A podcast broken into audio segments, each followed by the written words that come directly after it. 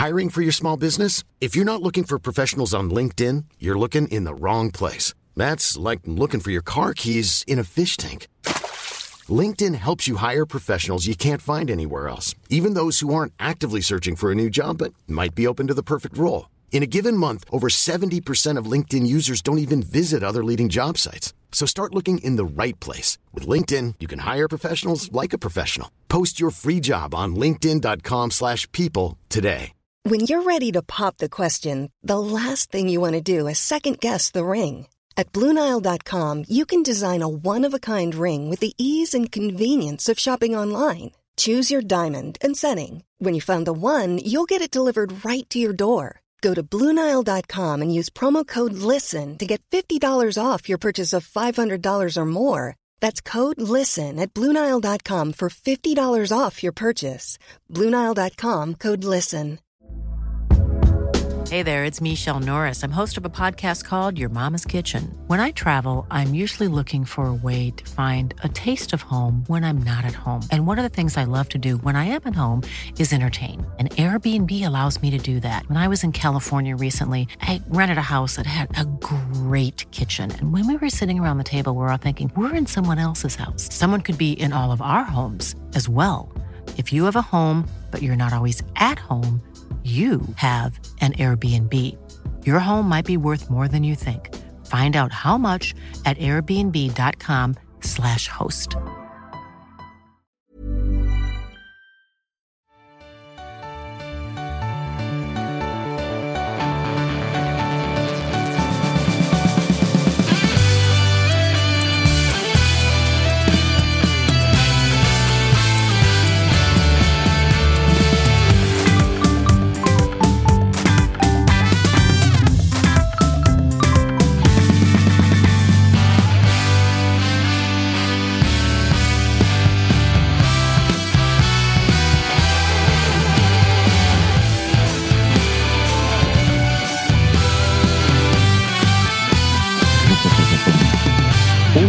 Det. Tuttosvenskan är tillbaka. Sommaren flyter på för fullt. Eller ja, sommar och sommar. Det är inte så jävla mycket sommar ute, men vi har sommar i sinnet i alla fall. I studion idag, Kalle Nilsson som vanligt. Eh, med chatten i under tillfällig kontroll i alla fall. Ja, vi får se hur det utvecklar sig. Naja, vi, ja, det kan bli, kan bli en del olika äventyr där. Jocke Harnäs, live and direct från tåget, som alltid. I- Idag eh, inte i egenskap av eh, Blåvitt-supporter, utan bara någon sorts allmän hangaround. Va? Eller bara studioutfyllnad. Eh, och, och allt annat. säga. Vi är ett gäng slagna hjältar. Det ska man, eh, Det- det ska man inte sticka under stolen med. Det ska gudarna veta. Det, det kommer vi till, till senare. Allt annat än studioutfyllnad, utan hedersgäst och med väldigt bra timing som vi också kommer komma in på. Noah Bachner från Expressen. Varmt välkommen. tillbaka. Tack så mycket. Du sa precis att du ringt 40 pers de senaste två veckorna. Så jag Ja. kan ju inte ha varit först i listan. Nej, men du var ju, nu blev, hoppade snabbt upp i den kön med tanke på timing och, och publicering och allt det där. Mitov Nilsson hade väl lite samma, samma ingång där, men Mitov vet att han är långt ner på, på Okej. den listan. Men det är alltid, alltid trevligt med, med externa gäster också. Eh, vi, vi har ett ganska... Alltså, bilden lovade väl kanske inte så mycket på förhand, men vi, vi har eh, Noah, som, Noah som, ska, som ska prata bok och allsvenskan. Vi har Jocke som ska prata eh, reklam och, och IFK Göteborg. Ja, jag blir lite den här eh, den andra killen i When We Were Kings. Det Ja. skämtet har körts eh, ett par gånger Det har körts. och, och det kunde köras en gång till. Ja. Och, eh, jag, jag tänkte bara också att jag skulle först eh, briefa lite hur det går i min beef. Mm. Med, eh, med eh, Fotboll Stockholm och Oskar Månsson. Jaha, du, just det. Den pågående beefen där, ja. Mm. Och, och jag, jag känner ändå att jag har tagit poäng i den här nu. För att han har ändå gått in och ändrat i sitt nyhetsbrev de här, vissa av de här felaktigheterna. Sen så har han ju såklart ändå valt att missförstå allting och, och, och vilja kasta skiten för att eh, någon eh, hade mage att kritisera de här spiderartiklarna. Men, men, det, det är ändå liksom en liten, en liten nugget upp att han har gått in och ändrat i, i, eh, i nyhetsbrevet. Även de små striderna är strider för Jocke Hane. Så är det. Ja, vi, vi är sponsrade av Lyko i Tuttosvenskan. Och säsongens hetaste resmål är just Lyko. Så är det. Där bottnade jag bra. Alltså. Platsen där du hittar över 60 000 produkter. Allt från eh, hårprodukter till hudvård och doft.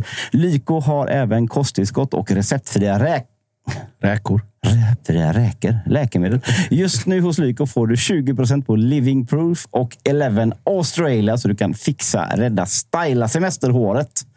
Eleven Australia har ett grymt saltvattenspray som är enkelt att använda och som ger den där sköna känslan att man har badat i saltvatten. Även på ostkusten då, Mm, precis. där ni håller till. Och det är en fin look. Lyko har snabba leveranser. Inom vissa områden kan man även få leveranser redan dagen efter sin beställning. Gå in på lyko.com och Kika in. Bouncea runt. Och tack så mycket för att ni hjälper oss att göra Tuttosvenskan. Tack så mycket. Även om saltvattensprayen kanske inte är riktad till dig och mig så finns det ju folk med betydligt fagrare frisyrer. Och på tal om fagrare frisyrer, Noah Bachner eh, återigen eh, tillbaka i, eh, i rampljuset egentligen. Det är ju dels eh, tajmingen med, med din bok, men också att du liksom, efter en lång tids arbete med just den boken kommer tillbaka till den lite närmare allsvenska bevakningen. Hur länge har, du, har du kört eller jobbat på med den här boken? Eh, Jag jobbade med den från årsskiftet ungefär fram till början på maj, tror jag. Så jag började jobba för Expressen igen i maj och de första veckorna där var väl lite sådär. Man startade upp. Så att jag började väl publiceras igen kanske månadsskiftet maj-juni eller sånt där. Sen hade jag direkt efter fyra veckors semester. Så jag är väldigt populär nu internt på Bonnier efter föräldraledighet, tjänstledighet, semester och några korta instick för Expressens räkning däremellan. Mm. Hur, har det, hur har det varit att, att följa det lite från sidan? Allsvenskan? Nej, men det, alltså det var, jag måste säga, efter att ha jobbat typ, vad är det, kanske sju säsonger i rad eller sånt där med eh, väldigt nära bevakning så var det ganska, tyckte jag det var ganska nyttigt. Både när jag var föräldraledig och nu att få lite andra perspektiv på saker och ting. Det, var, det, är liksom, ehm, det är så högt tempo i mycket saker som händer och ni vet ju själva att nyhetscykeln byts ut efter åtta minuter ungefär. Att man liksom hinner väldigt sällan lägga alla de här bitarna bredvid varandra och fundera lite över hur saker och ting hänger ihop. Så att jag tyckte att det var, jag tyckte det kändes rätt kul att komma tillbaka nu och känna att man har hunnit liksom fundera lite över olika saker. Mm. Och med, med just ingång i boken som heter Den sista utposten. Eh, där i korta drag, utan att gå in på allt för mycket, handlar väl egentligen om att liksom, unikumet allsvenskan eller svensk fotboll i kontext till allting annat runt omkring som pågår i fotbollsvärlden. Eh, hur var det att, eh, dels med, med distansen, men också att grotta ner sig så pass mycket i det som ändå vi pratar om dagligen eller andra medier rapporterar om. att det, Hur unikt är det i det avseendet? Ehm, det, det unika består kanske i att det finns inget annat land som är lika starkt influerat av medlemmar som vi är. Alltså det går ju att mena att på någon europeisk skala så befinner sig Tyskland och Norge ganska nära oss. Men det finns inget annat land med samma genomslagskraft för medlemsrörelsen som Sverige.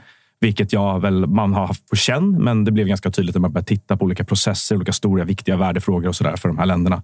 I, på Eh. de andra ställena så är det starka män på olika sätt med olika sorts stark makt som, som eh, runs the show helt enkelt. Ja, Norge, ja, precis. Norge har ju den här dualmodellen, vilket ju i, i realiteten upplevs av ganska många att den i vissa klubbar ger väldigt mycket informell makt till enskilda investerare. Vi har ju sådana exempel i Sverige också. Jag menar, vad hade Värnamo varit utan Bengt Liljedahl och vad hade Sirius varit utan Ågerup? Och det finns flera andra sådana exempel.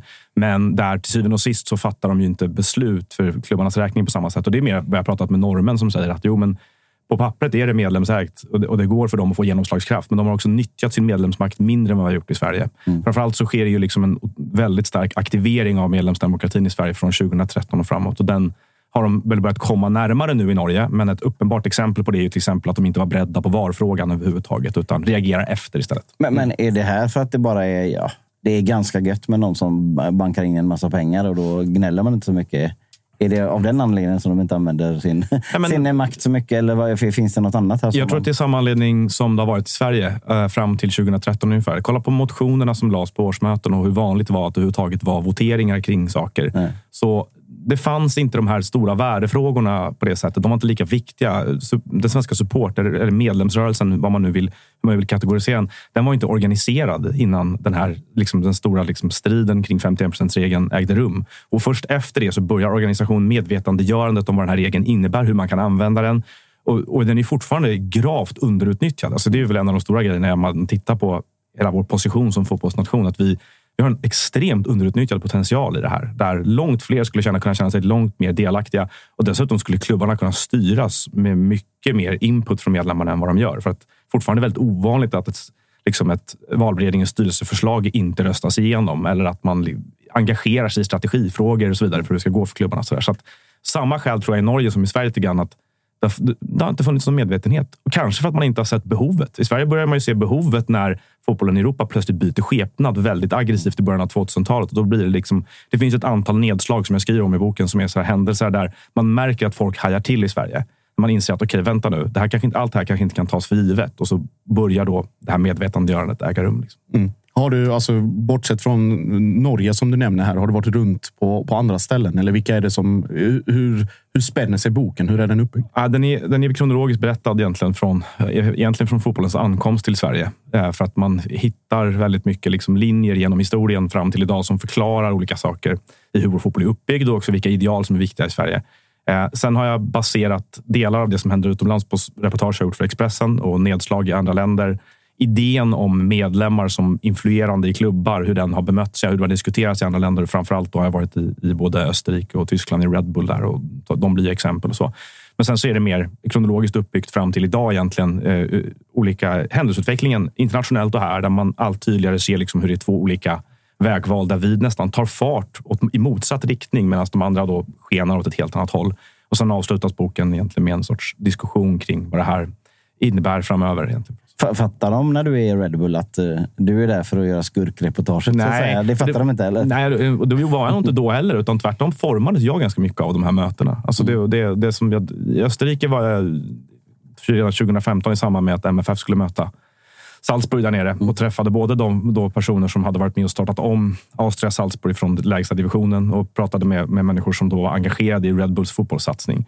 Och de deras sätt att prata om de här händelserna är ju ganska avslöjande på många sätt. De beskriver ju sin idé om fotbollen och vad den finns till för på helt olika sätt. Och samma sak i, i, i Leipzig så fick jag sitta med Ralf Rangnick ganska länge. Och, och han har ju en väldigt bestämd uppfattning att medlemmar har, ska inte ha någonting med fotbollsklubbar att göra. Och det är ju liksom en, det är en, det är en linje man kan driva. Det är, men det går, liksom, det går ju att argumentera för eller emot det. Men jag var mer nyfiken på honom då än därför att liksom, mm. eh, vara sur på honom. Ja, precis. Det är, liksom, det är oftast inte så givande att börja polarisera eller vara liksom mm. polariserande i sådana samtal. Men vi tar, tar Red Bull som, som ingångspunkt, som är liksom i vår kontext kanske mm. den absolut största avarten. Du har ju en bakgrund som Newcastle-supporter mm. och det, det är ytterligare en dimension i det. Men Red Bull och, och Rangnick och hur de ser det, eller är det mer av en liksom teknokratisk syn på fotboll? Eller, eller är det mer att ja, men de, de vet ju inte någonting om det här. Vad fan ska de ha att säga till? Han, hans uppfattning är att precis som vilket annat företag som helst så ska du inte hålla på och fråga dina anställda eller någon annan vilken riktning ni ska ta. Och Det beror ju på lite grann vem du anser att fotbollsklubben tillhör. Jag tycker att liksom den avgörande skillnaden på vårt system och de andra är det här att många klubbar ute i Europa pratar om det som fotbollsklubben som en representant för lokalsamhället, för medborgarna. Hur många gånger man har hört engelska supportrar säga football is about community i det här laget och framförallt i samband med Super League. Och, det är ju klart värdegrunderna och hela, exakt, hela det, det, ska det paketet. Fotbollsklubben ska företräda olika saker. Och Det känns ju så för många supportrar ute i Europa också. Men i realiteten så är det ju inte det. Red Bull existerar av ett enkelt skäl och det är att marknadsföra en energidryck. egentligen. Sen bedriver de en väldigt framgångsrik fotbollsoperation som linjerar mycket med varumärkesattributen och sådär. Men Ragnicke menar ju då att liksom det, det, saboterar bara för uh, förmågan att driva företag i rätt riktning om, de, om pöben ska tycka till om saker. Uh, och Det går ju att argumentera från hans sida för att ja, vi har ett rätt bra exempel på att det har varit ganska svårt att få långsiktighet i vår modell och vi har halkat efter sportsligt på det här, vilket jag inte tror är en nödvändighet alls. Men, eh, men är det poängen med fotboll? Att optimera fotbollsapparaten alltid? Jag tror att liksom många människor som betalar för fotbollen i Europa ser sig liksom, ser jag tycker att fotbollen har en annan mening. Och Det har ju blivit extremt tydligt de senaste åren när den här verkligheten har börjat gå upp för människor i framförallt England. att Vänta nu här. Ju, vi har ju en annan idé om vad de här klubbarna är och representerar än vad våra amerikanska ägare eller Mellanösternägare har.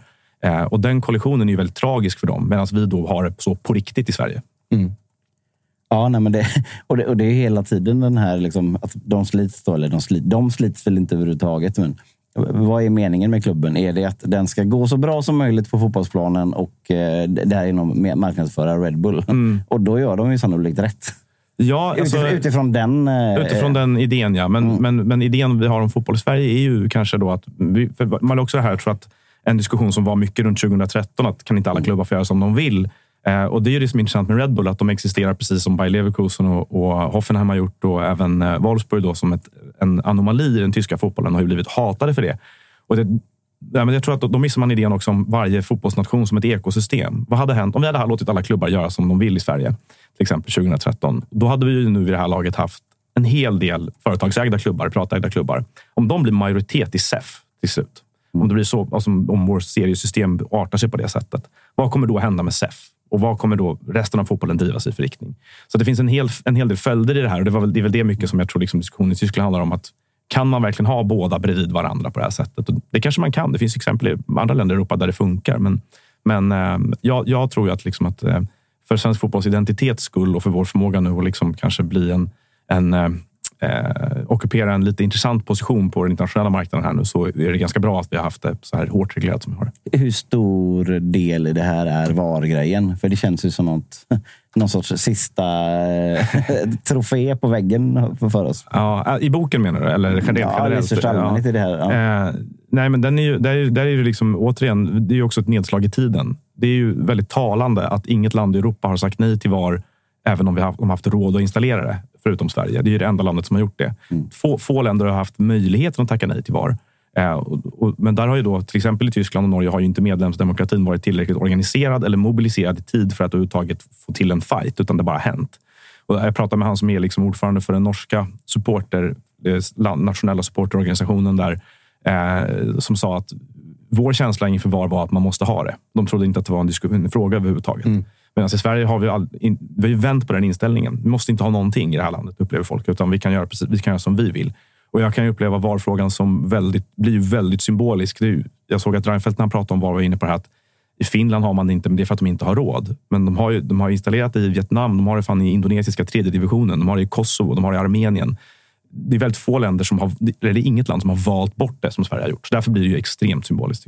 Jag. Och jag tror också det här att att hade varenda land i hela Europa varit medlemsstyrt så hade fler länder inte haft VAR. Det blir, vi drabbas ju av lite konstig bild att vi är så annorlunda som inte bara kan följa strömmen. Men hade det funnits fler länder som var, var medlemsägda, hade medlemsägd fotboll som tog hand om frågor av den här sorten på det här sättet så hade inte VAR funnits överallt. Vi, vi är snarare speciella som kan bestämma.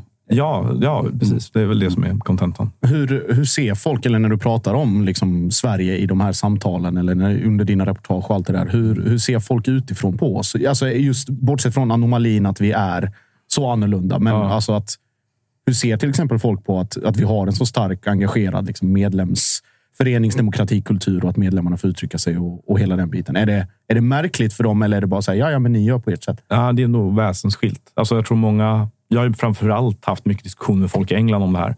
Och för dem är det ju så avlägset så att de inte liksom kan föreställa sig det. Liksom. det, det dels så... Det var ju, när, när, de, när, de väl, när Super League hade kommit och gått på 24 timmar så tillrätt de en utredning, supportledd utredning, där bland annat ingick att utreda införandet av en 51% regel. Dels för att det kom en framställan till, till parlamentet som 107 000 personer skrev under. Men sen så hade de ju, brittiska regeringen gav ut en vitbok i den här frågan också där de ju konstaterade att eh, det är liksom inte aktuellt. Det är för dyrt att köpa tillbaka klubbarna från privatägare. Så att den är så avlägsen, den här idén om vad vi håller på med. Men lyssnar man på de här personerna, liksom, och det är väl också olika saker. Eh, jobbar du inom fotbollen, då tycker du nog att baksidan med vår modell är, som i sin nuvarande form är så stor att du inte förstår varför vi håller kvar vid det här systemet. Det blir en massa besvär när man ska göra saker hela tiden. Vi är dåliga på fotboll. Vi är för mm. dåliga. För att vara vad är vi? ett av världens rikaste mm. länder ska vi inte ha Europas 23 bästa liga. Liksom. Eh, och det, och det, går ju, det är klart att man måste hålla med om att det har att göra med hur vi, hur vi driver det här. Mm. Vi har inte hällt in pengar som vi gjort i andra länder. Eh, så de tycker väl en sak. Supportrörelsen i Europa, om man lyssnar på de som vistas mycket i de sammanhangen, så är det ju Eh, eh, en enorm avund mot hur vi styr och ställer. Men jag tror att tiden är inne också lite grann för svensk fotboll att försöka marknadsföra vad vi har. För att det är ju, det är inte så stor kännedom om vad vi gör i något annat land. Att det här, det här, den här, den här, och det är väl det jag försöker skriva i boken. Den här moderna berättelsen om svensk fotboll den har ju sting. Liksom. Eh, och framförallt i tanke, med tanke på den här krisstämningen som råder ute i europeisk fotboll. Inte minst den här sommaren. Ja, med att, Saudi-ligan som plötsligt börjar gå in och värva riktiga spelare exakt. när de är bäst i världen. Ja, de, folk ifrågasätter allt. Alltså, det, och det har de ju börjat göra i Spanien, Italien, Tyskland, Frankrike under en tid. Mm. Därför att de har varit de stora förlorarna på hur man har gjort det ute i Europa. Det har varit kul för Premier League och England som har varit vinnarna på den här utvecklingen. Men nu börjar man ju skruva på sig även där. Och det var ju samma sak när City vann igen. Nu. Det var liksom lite för mycket. Det var, jag vet inte, de har liksom skrivit i både Independent och Guardian och massa andra tidningar om att fotbollen närmar sig någon overkill. Och någon annan skriver att det är nära ett big short moment och det är liksom undergångsstämning lite grann. Och i den tiden tycker jag att svensk fotboll verkligen borde så här. Ja, vad onödigt att ni gjorde så här. Så här gjorde vi. Det, Mm. det, är, en, eh, det är en varumärkesmässig fråga som är viktig för Sverige. Då måste vi göra oss av med Häcken först bara.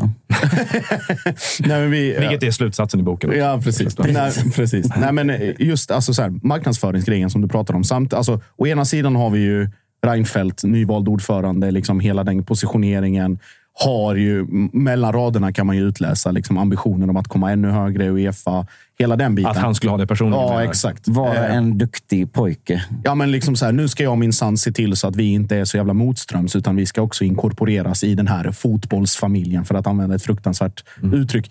Men eh, har vi det å ena sidan. Å andra sidan all den här supporterorganisationen och liksom strukturen och våra medlemmar och liksom allt, allt det vid sidan av. Hur, hur ska man positionera sig på? Eller så här, vad ser du den kampen ta vägen? Blir, är VAR-frågan, eller VARs vara eller icke vara, blir någon form av knäckfråga för hur svensk fotboll kommer att marknadsföra? Och vad, och, vad, och vad fan blir uppsidan när man ska marknadsföra det?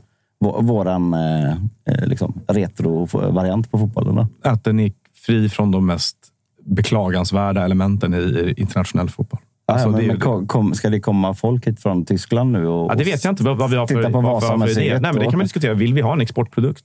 Alltså det, är ju liksom, det, det kanske vi inte vill ha. Jag vet inte. Men, Nej. men alldeles oavsett så är det liksom, jag tror för allsvenskans... Ja, men det är klart att den skulle kunna attrahera en lagom publik, Mm. eh, liksom från, även från andra håll. Och framför allt om vi i Sverige börjar etablera den här bilden av att det här är vad vi har. Så kan vi också börja fundera, vilket är bokens liksom, eh, stora grej på slutet, att fundera över vad ska vi göra nu med det här framöver? För att det här måste ju liksom lyfta även sportsligt, tror jag. Det är nog det största kanske liksom, eh, hotet mot modellen. Jag, nej, men när det gäller Reinfeldt, så jag förstår inte riktigt den här rädslan för att han skulle vara ute efter att liksom göra om hela fotbollsmodellen i Sverige. För det, det kan jag inte riktigt utläsa i någonting han har sagt. Det som har varit, det som har varit besynnerligt har ju varit först tystnaden och liksom oviljan att berätta vad han vill med svensk fotboll på sin väg till makten. Och sen så eh, Eh, den den här grejen att, att då eh, prata mycket om vad man själv tycker och tänker om en fråga som det är upp till den svenska fotbollen att bestämma egentligen. Att det är lite ovanligt att man gör på det sättet. Även Karl-Erik Nilsson började göra det på slutet av sin tid som ordförande. Ehm, ja, det är klart att det finns en slitning mellan att företräda olika intressen som gör att det är lättare att göra karriär internationellt och att företräda svensk fotbolls intressen. Men jag tror att det är lite tidigt i hans tid som ordförande att förstå om eh, liksom, eh, vad, han, vad han håller på med, exakt vad han vill. Han gör ju väldigt få intervjuer. Vi har ju sökt honom enormt många gånger och han vill ju inte prata. Liksom. Så att, eh, han är lite outforskad på det sättet och det bidrar ju såklart till... Det, han gör sig inte kvitt bilden av att han är mycket där för att det är kul att göra internationell karriär. Men, men, eh, och sen så, samtidigt så tycker jag att han liksom höll en väldigt påläst och bra presskonferens efter det som hände i, i Stockholmsderbyt där han på många sätt liksom visade att han förstår frågan nationellt, internationellt, historiskt och sådär. Så att, eh, just honom som, som eh, portalfigur för det här är lite knepigt tycker jag. Men, men eh, rent generellt så tror jag att den svenska fotbollen behöver fundera över, liksom, eh, även när vi, när vi pratar om vad som ska hända framöver, utvecklingsprojekt till höger och vänster, vad vill vi med svensk fotboll och så vidare, så borde det här mycket ofta vara utgångspositionen. Att liksom, vi ska ta- ha det här som kärnan i det vi gör och hur kan vi förbättra det utifrån istället för att ha diskussioner om anpassning. Och, och det är väl det om du pratar om VAR-frågan så tycker jag att det är en typisk sån. Ehm, ta fasta på det faktum att vi har valt. Liksom, någon gång kanske det kommer, Uefa kanske ändrar sig och säger ni måste ha annars får ni inte vara med. Då, är det väl bara, då blir det väl som det blir. Men ehm, för, förädla det vi har istället. Så att säga. Ja, eh, liksom, exakt. Man ska, man, jag tycker man ska ta, ta sats från det vi har mycket oftare istället för att oroa sig för internationella trender. Vi tar bort eh, assisterande domarna. skiter i dem helt. Fjärdedomarna upphör att existera. Men eh, om vi tar, vi tar en annan sån aktuell eh, krok, Noah, så får du väl liksom se det utifrån också. Det som hände på, på Friends och, och den, liksom, all den diskussion, den efterföljande. Vi hade ju Stockholmsderbyt som, som exempel och sen var det väl nu igen eh, Malmö FF, eller AIK Malmö FF och det som hände på läktarna där. Hur mycket, alltså så här, det blir ju någon form av, om man tittar på det inifrån som, som vi gör, att det blir någon form av cirkelargumentation. Att det bara återanvänds samma argument från båda sidor hela tiden. Någon ropar, på ena sidan har du någon som rop- ropar om hårdare tag och att saker måste hända. Och på andra sidan så har du folk som bara säger att det, det, är liksom, det, det händer någon gång i, ibland och det är någonting man får räkna med och det är klart att man måste jobba och ta ansvar för det. Men bla bla bla. Och sen blir det då det här, om man ska kalla det typiskt svenska vakuumet. Att det händer lite ingenting. Det är en typisk svensk, snarare typiskt tidstypiskt. Ja. Det är två extrema poler som står mot varandra. De som menar att ni skulle ha tagit bort villkorstrappan och sen så finns det de som menar att det här är ja, det här russinen ur kakan-argumentet. Mm. Och ju mer man diskuterar, desto längre bort kommer man från varandra. Ja, ju mer man är på Twitter. Och jag tror att man ska bort därifrån ganska mycket för att kunna prata om de här frågorna. Till exempel i såna här forum eller andra. Att det, det måste ha klart för sig tror jag att de allra flesta tycker att vi kan ha en eh, stark, självständig, frihetlig eh, liksom, ja, en supportkultur eller läktarkultur i Sverige som är ett, en stor tillgång utan att människor springer in och maskerar sig och kastar bengaler på varandra. Och det har vi haft ganska länge. Eh, utgår man från de här två motpolerna, att ni ser all, liksom det, kulturen är sjuk i grunden och eh, vi borde aldrig tagit bort eh, en taktik som polisen själva underkände. Eh, eller eh, utgår man från andra hållet då, som just pratade om då, den här andra polen som är liksom då att ja, utan det här har ni ingen supporterkultur då luras man in i en helt falsk balans upplever jag. Där, det är inte det som det här handlar om egentligen. Utan jag, tycker, jag har haft ganska mycket samtal de senaste veckorna eh, kring det som har hänt med olika människor som håller på stora klubbar i Sverige. För om vi ska vara ärliga så är det också här frågor som egentligen rör fem klubbar ungefär. Mm. Eh, det är de som allt som oftast är inblandade i de allvarliga incidenterna. Där många av dem eh, har eh, haft bakgrund på kortsidorna, där länge, varit på mycket bortamatcher, rest i Europa. Eh, de har hållit i bengaler, gör det fortfarande emellanåt och så vidare. Men de förstår inte eh, idén om att man måste invadera matcherna. Att, liksom, just för att jag tror att vi har haft problem med våld, vi har haft problem med eh, eh problem om man vill kalla det för Jag tycker inte pyrotekniken är ett så stort problem i sig, men, men i alla fall, de här sakerna har ju funnits runt svensk fotboll under lång tid. Men vi har inte haft så här, så här jävla mycket avbrutna matcher. Eller att man måste använda den här arenan för att få utlopp för de här böjelserna som vissa eh, killar har. Då. Eh, och däremot så tror jag att det här samtalet som ni beskriver då mellan de här extrema polerna, där uppstår också en rädsla att bli kategoriserad i de här olika lägren.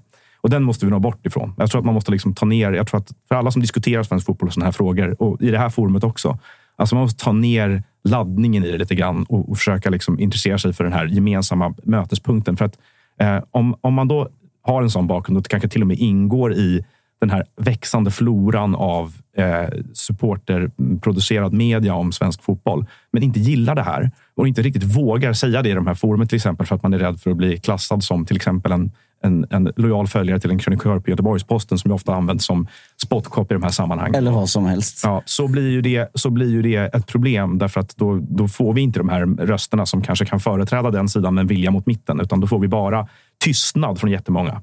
Eh, och som känner att det här är liksom en helt hopplös situation istället. Men hur, det, det tror jag inte är bra alls. Hur mycket av liksom de här parametrarna som till exempel eh, alltså sociologi, eh, vad heter det, kriminologi, alla de här andra liksom delar av om man ska säga det, den, den vetenskapliga eller den akademiska delen mm.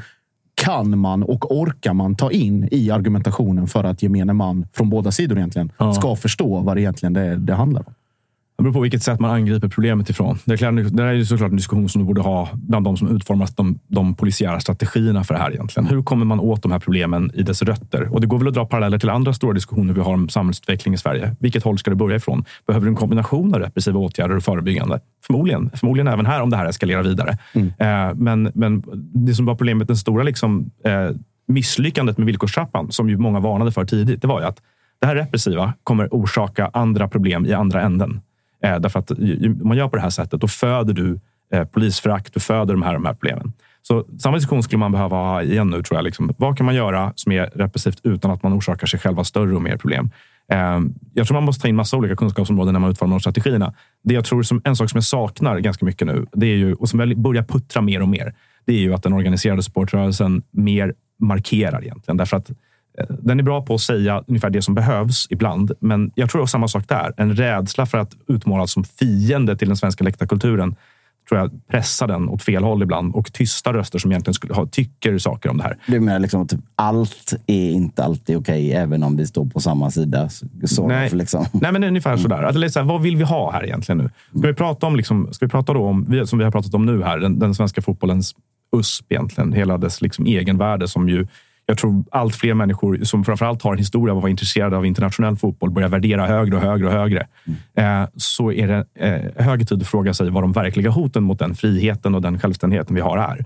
Och då kan man mena då att det finns krafter som skulle vilja ta bort 51 regeln eller införa VAR och så vidare.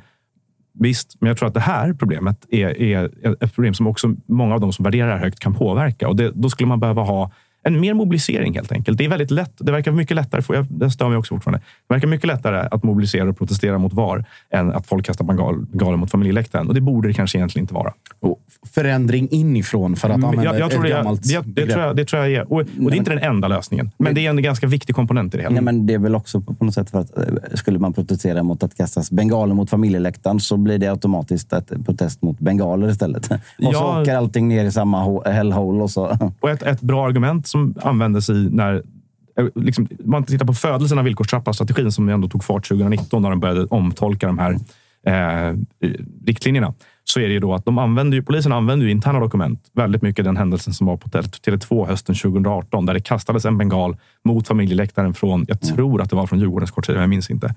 Spelar ingen roll. Eh, den personen dömdes ju sen för det. Men det var en händelse som man använde då för att säga att vi måste ta bort pyrotekniken. Och då var det många som sa att men bengaler kastas i regel inte. Och finns det inte bengaler där så kommer de här människorna kasta andra saker. Och, och det, var ju det stämde ju då. Det var väldigt sällsynt att det kastades bengaler. Men det är det ju faktiskt inte på samma sätt. Om man tittar på det här spelåret. Nej. sällsynt, ja. Bengal, bengaltennis är ju ett ganska nytt fenomen på något sätt sen ett eller två år tillbaka. Så ja, jag tror liksom att alla de här, man, man behöver nog eh, ta sig en funderare internt. Jag tycker också det finns en så jävla stort inbyggt problem i det här också. Det är ju liksom att, menar, om du exemplifierar med det här att det kastas en bengal upp här nu då, alltså det blir farligt. Ja, men de... liksom, Med, med- med, den eh, logiken så borde vi ta bort alla bilar på gatorna också.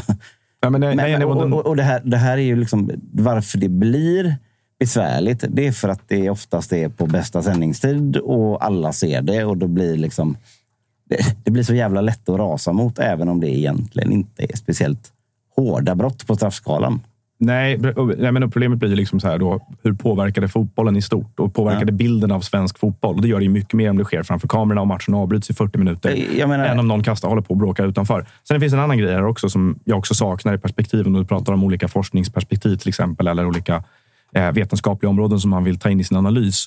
Så är det ju det här att eh, det är ju omöjligt att se det här eskalerande tendenserna som vi har haft nu i Sverige, i, i, runt fotbollen. Dels att göra det utan att titta i internationell kontext. Vi har haft exakt samma utveckling i nästan varenda land i hela Europa. Men också i, i, i Sverige generellt. Varför söker sig unga människor till miljöer där de får, kan använda våld och eh, Stöka. stöka, liksom, och, och bete sig på olika sätt mot ordningsmakten eller vad det nu är andra grejer eh, i- just nu. Och, det blir, och då blir, för mig blir det tydligt att ja, det, här, är- det här är ett uttryck för någonting annat i samhället kanske. Det finns ett berömt citat från diskussioner i England där man hade massa problem på läktarna. Där eh, politiker, någon politiker sa att, eh, om det till och med var premiärministern som sa att vi vill inte ha fotbollens problem på våra gator. Och någon företrädare för, för fotbollen sa det att vi vill inte ha samhällsproblem på våra arenor. Och lite samma diskussion skulle jag vilja ha här. Att hade de här incidenterna ägt rum utanför arenorna, visst, vi hade kopplat dem till fotbollen, men det hade kanske blivit tydligare för människor att det här är, är, handlar kanske i grund och botten om någonting annat också. Innan vi, innan vi ringer Dava och, och byter ämne. Jag tänker på, på Byter en, problem. Byter problem. en sista grej kring det där också. Så här, vi, vi har ju varit inne på det innan i andra avsnitt och pratat om att Alltså så här, förändring inifrån som vi sa nu, men även att liksom läktarna och de som är ledande profiler där eller liksom folk med mycket inflytande på framförallt ståplatsläktare, att även de har ett ansvar för någon form av internutbildning. Alltså self-policing som fenomen på läktarna och sådana saker. Tror du att det här är en generationsgrej också? Ja, att liksom, det är en cocktail av en ny generation plus Ja. postpandemisk effekt och alla, alla möjliga andra parametrar. Ja, det säger ju väldigt många som har bra koll på nå- något fortfarande ganska oöverskådligt forskningsläge kring det här, vad som händer. Men alla röster som har auktoritet, kunskapsauktoritet säger att tendensen man ser i nästan varenda land är att det är en yngre publik som kom in efter, efter pandemin och som ju Som inte hörde hemma någonstans egentligen. eller det, den tycktes väl höra hemma där. Och det har inneburit bland annat ett uppsving som fan för, för svenska läktare också. Så att det är en tudelad fråga. Men den verkar också ha importerat vissa idéer och normer. Framförallt vad jag har förstått från östeuropeisk läktarkultur. Där vi har fått in inslag som var vanliga i Polen tidigare, mer i Sverige nu. Där det är mer militariserat, vilket det också har varit i östeuropeisk läktarkultur. Och det, där, och den, eh, liksom, det här normbildande arbetet, det finns ju ett vakuum på ett och ett halvt år här där inte det ägde rum, utan det bara kom den här klicken kom. Det som, det som jag har hört från folk som har liksom varit en del av, av kortsidorna mycket som är oroande, det är ju att det är väldigt svårt att nå fram till dem. Vi pratar med folk som har stått bredvid när det blir rusningar och försökt stoppa 15-16-åringar och säga att skit i det här. Och de kan inte möta deras ögonkontakt. Klubbarna säger att, att eh, de tidigare människorna som kunde ställa till med problem, de har också varit intresserade av att gå på årsmöten och varit kända i klubbarnas miljöer. Det här är personer som de inte, klubbarna vet vilka det är i grund och botten. De är liksom frifräsare med. på något, på något sätt så, ja. Och det, och det tror jag också är så här, det här är nytt, det är nytt lite grann. På det sättet.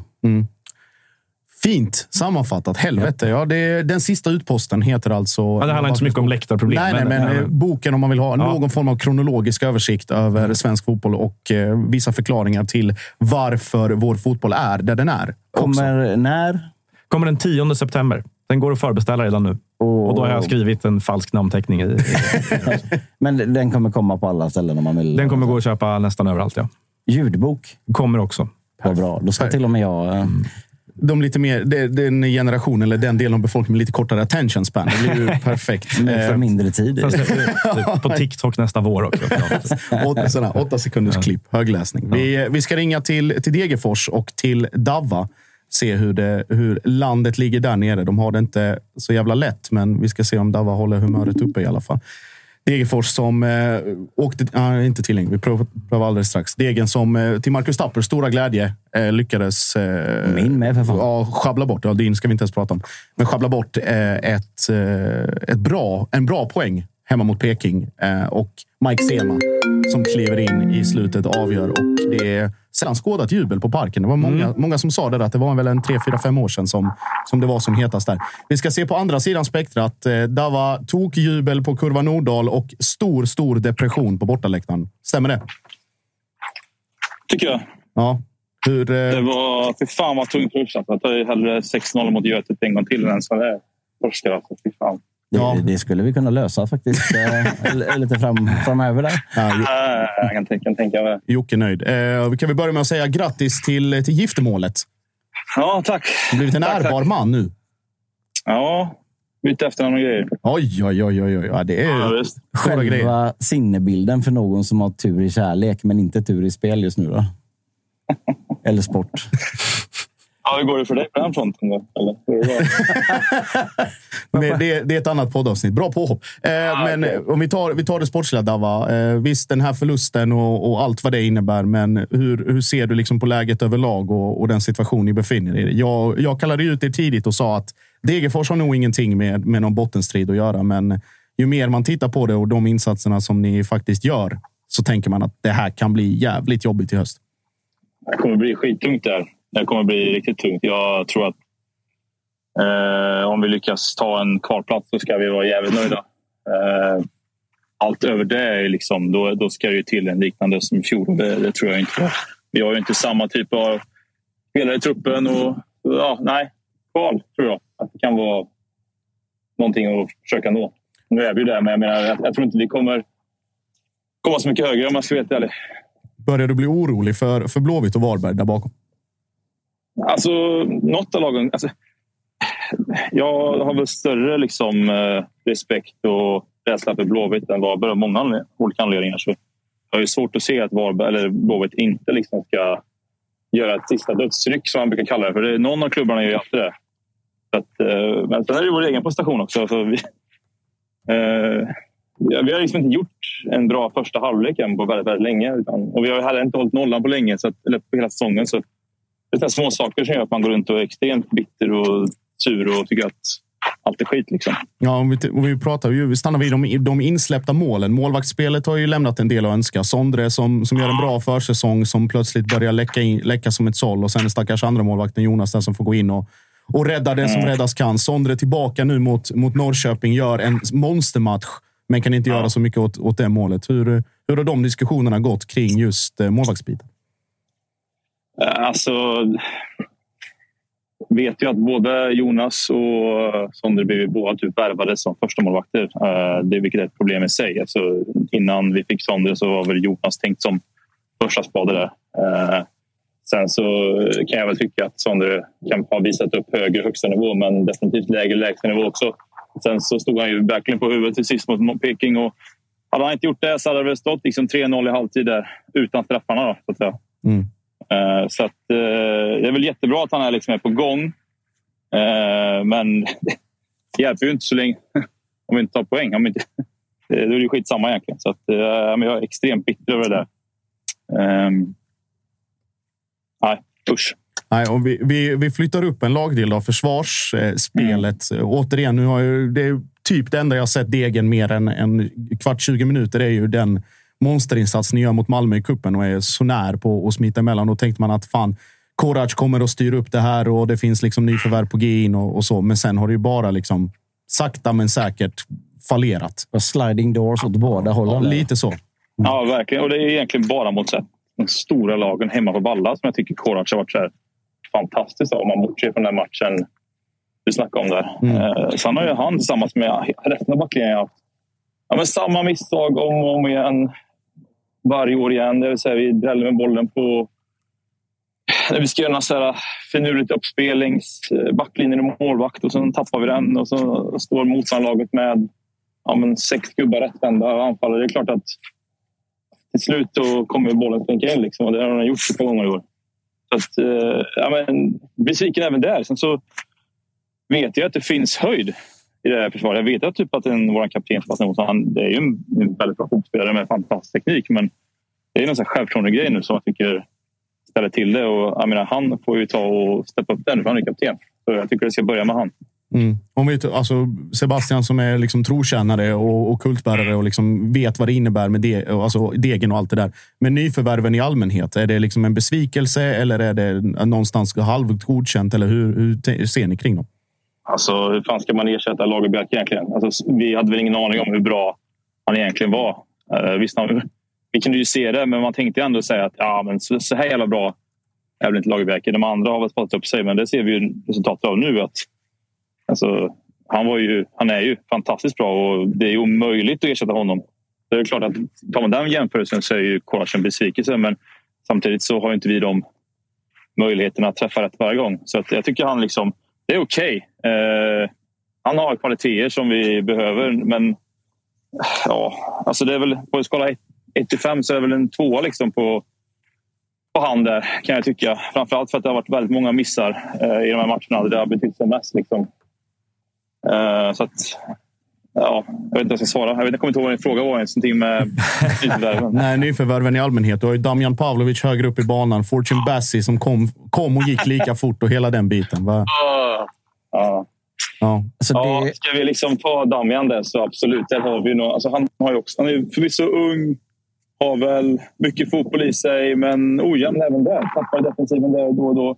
Men tyck, jag tycker att han har gjort väldigt bra inhopp senaste tre matcherna. Och jag tycker han, nu, nu kommer han ju starta på lördag. Vi har ju lite avstängningar och skador så att eh, han kommer starta. Men jag tycker att han borde få mer speltid mot de här plastlagen som vi möter. Då menar jag alltså lag som spelar på plast om ni, ja, det, uttolkar ja, Det gick fram. Det gick fram. Solklart. Ja.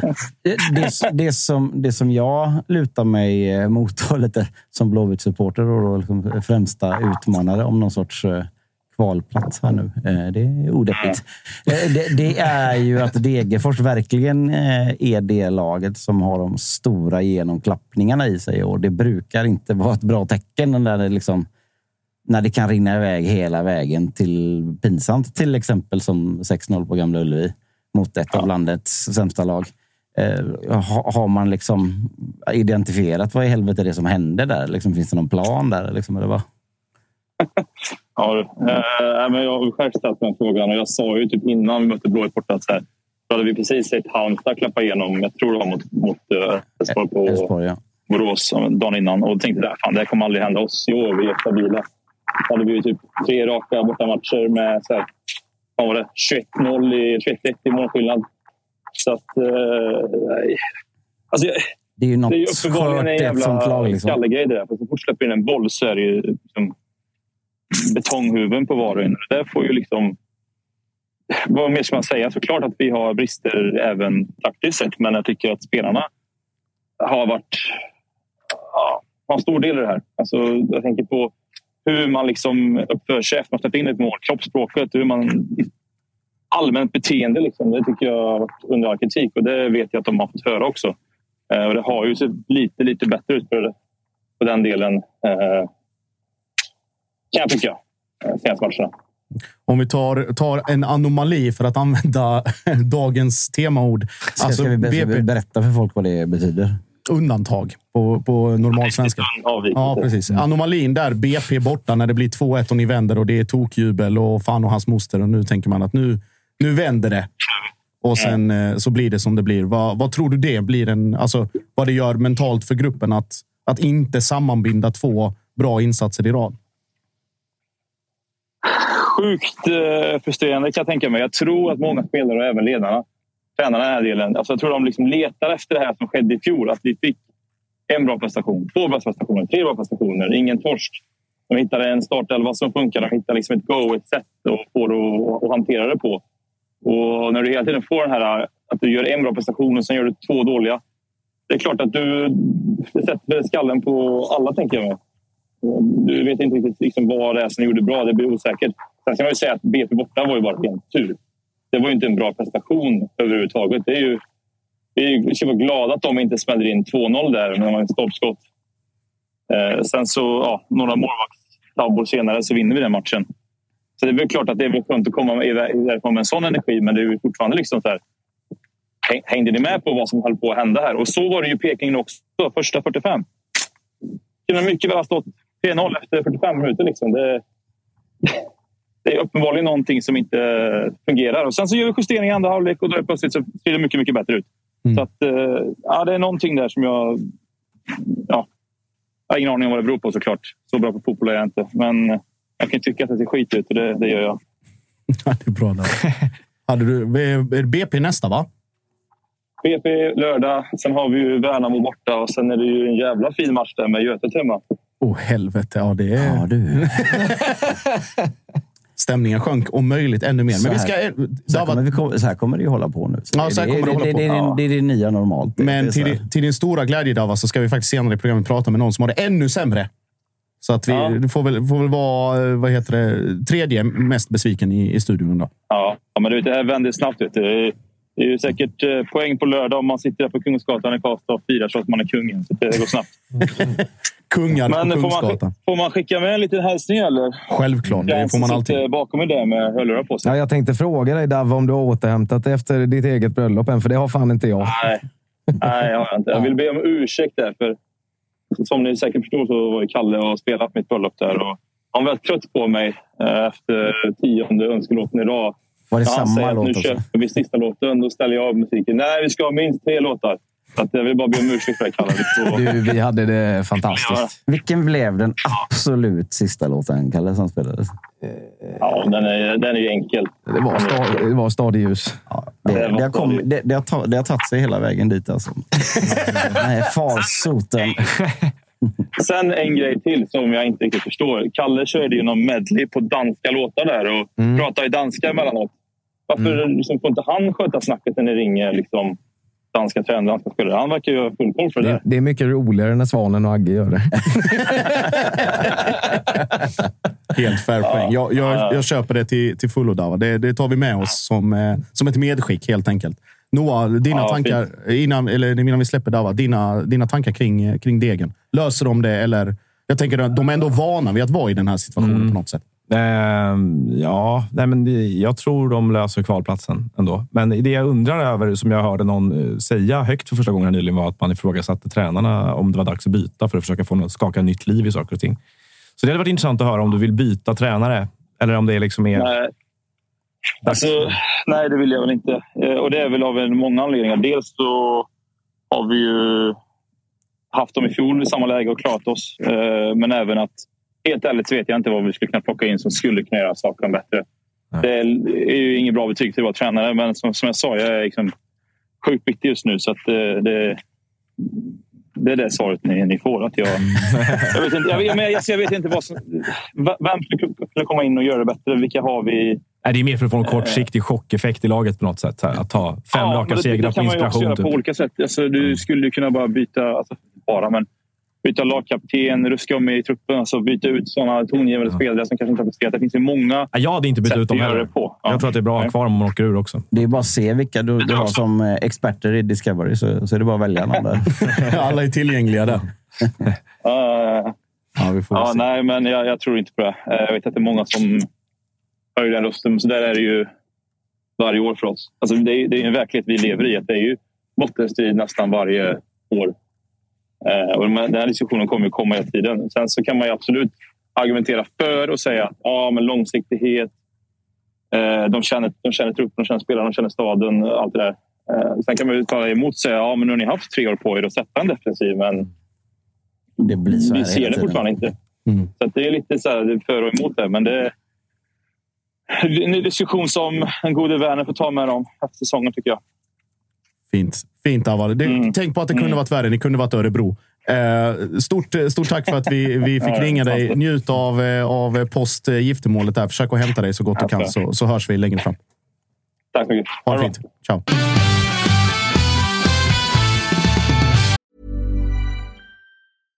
Hiring for your small business? If you're not looking for professionals on LinkedIn, you're looking in the wrong place. That's like looking for your car keys in a fish tank.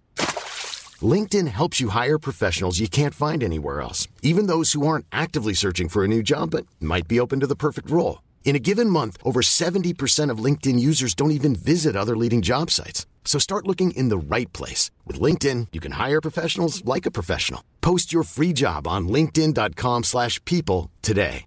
Burrow is a furniture company known for timeless design and thoughtful construction and free shipping, and that extends to their outdoor collection. Their outdoor furniture is built to withstand the elements, featuring rust-proof stainless steel hardware, weather-ready teak, and quick-dry foam cushions. For Memorial Day, get 15% off your Burrow purchase at burrow.com slash ACAST and up to 25% off outdoor. That's up to 25% off outdoor furniture at burrow.com slash ACAST.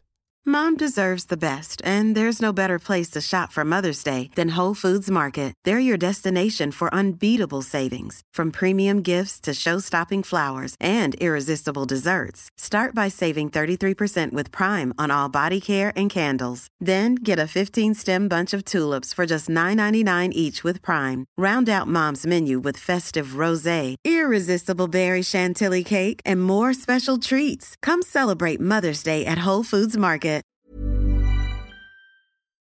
Tuttosvenskan är ju sponsrade av Simor Och du kan ju se alla allsvenska matcher och alla matcher i Superettan genom Discovery på ditt simor abonnemang Och nu ska jag göra något sjukt. Nu ska jag puffa för en Häckenmatch. Hej! För att det är ju faktiskt så att Häck- Häcken har den här äh, Klaxviks-grejen på eh, här i helgen. Idag. Mm. Herregud. Till och med. Den ska jag inte pusha för. Nej.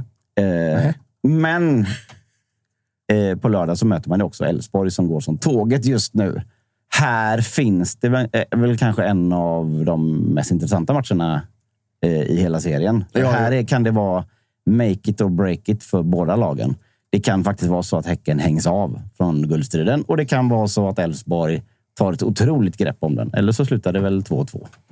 Som det brukar. Så, så den, eh, den matchen tänker jag titta på. Nu, där, fick, där fick de det av mig, eh, alla. De är nöjda med det. Eh, Och ska, ska, vill man titta på något helt annat så här i, i sommarlöket så kan jag eh, rekommendera alla Mission Impossible-filmerna som ligger där.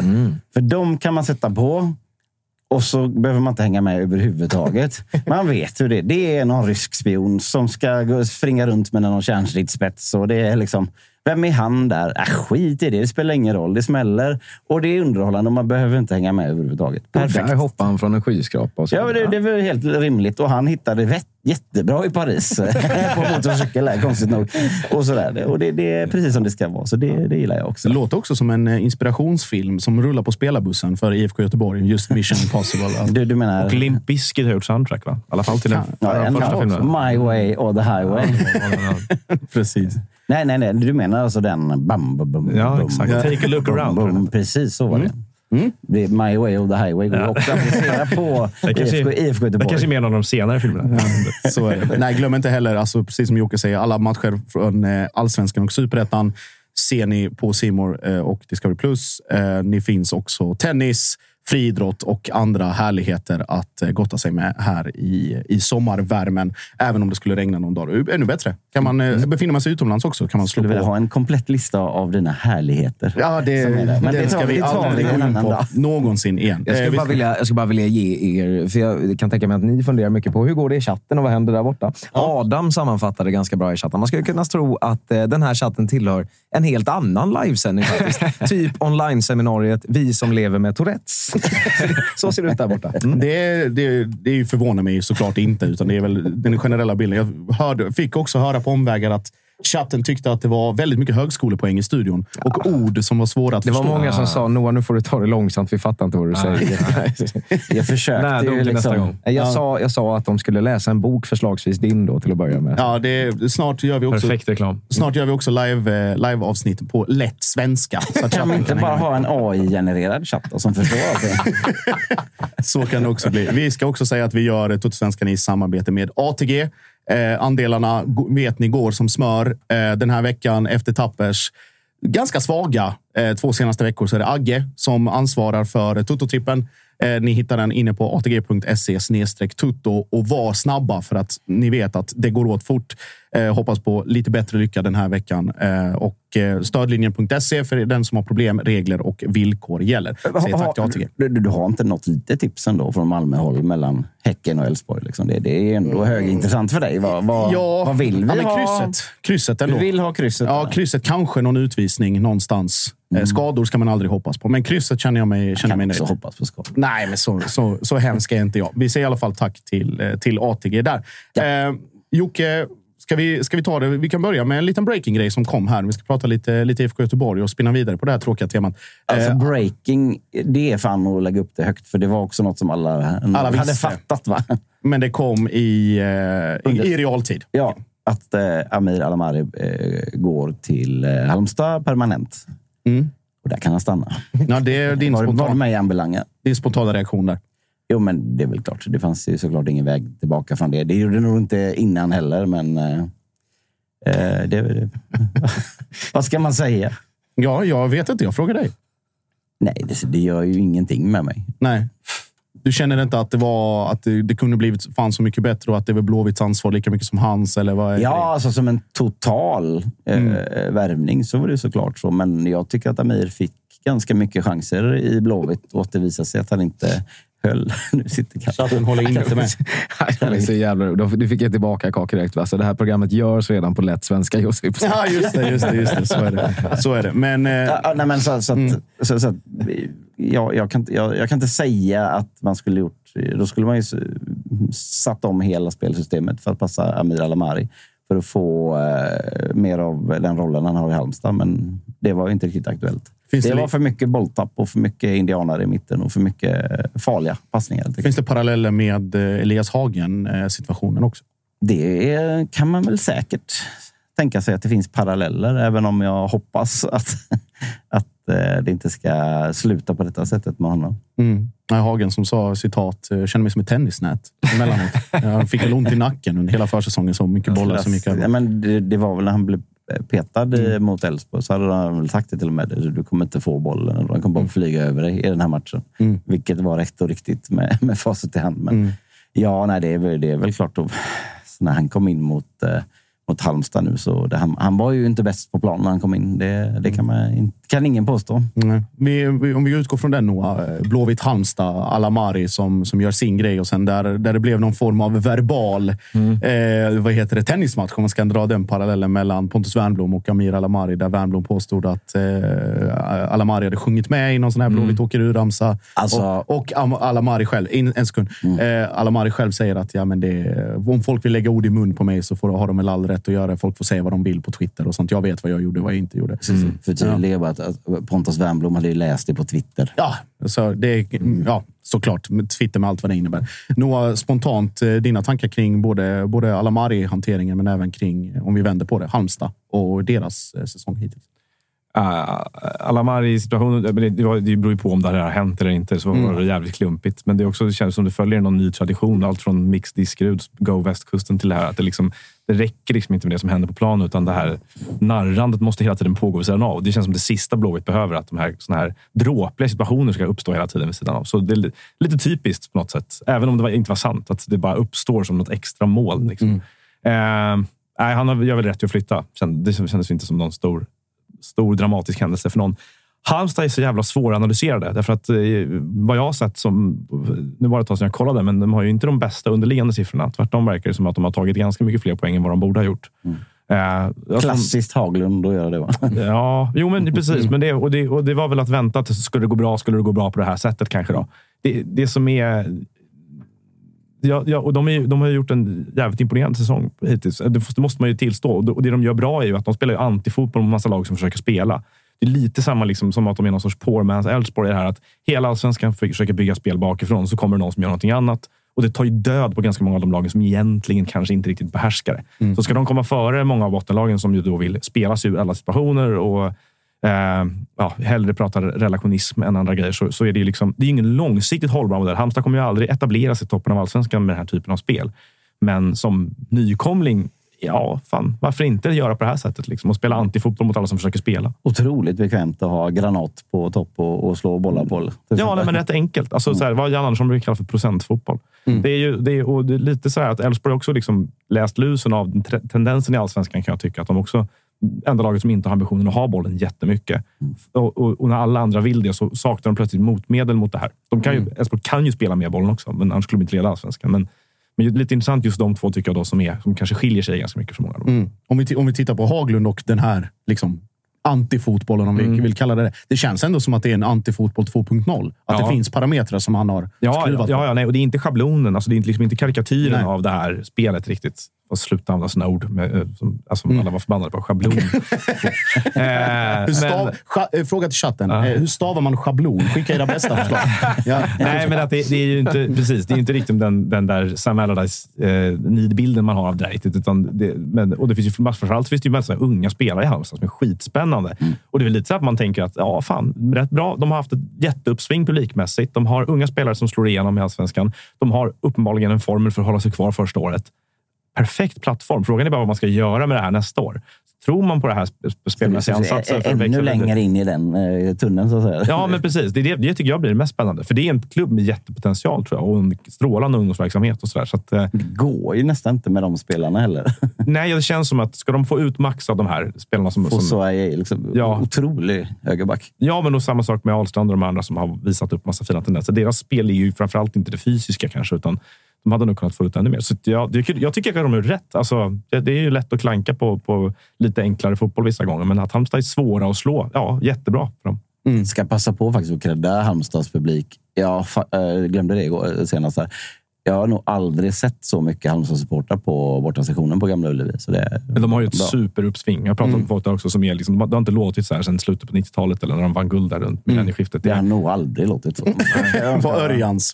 Ja, Nej, nej. Och, och ett grymt snitt också är de ju uppe på. Så att, eh, en, jätte, ett jättebra tillskott till Allsvenskan att, de, att det går bra för dem. Jag tänker, eh, jag tänker spontant på alltså så här, nästa problem eller nästa bekymmer. Nu är ju i princip kontraktet säkrat Ja. och de kan liksom rida ut det här och ingen kommer vara, vara missnöjd med hur den slutar. Men vad händer liksom post Ante? Baffo Mm. letar säkert något. Nu, liksom, nu stannar han kvar, men det var länge snack om han skulle bort och så vidare. Och Fuso Aje har jag svårt, finnas. svårt att se stanna Mm. kvar trots viss äh, ålder och, och historik. Ahlstrand, Kasper Karlsson. Mm. Det är mycket, eller i princip väldigt mycket, nästan allt av de här alla positiva delarna som riskerar att försvinna. Ja, köpbart i den truppen. ja exakt. Ja, precis. Vilket är bra för Halmstad, för då borde de få in, om de inte alla sitter på utgående kontrakt, jag kan inte deras kontraktssituationer, men rimligen borde de få in lite pengar.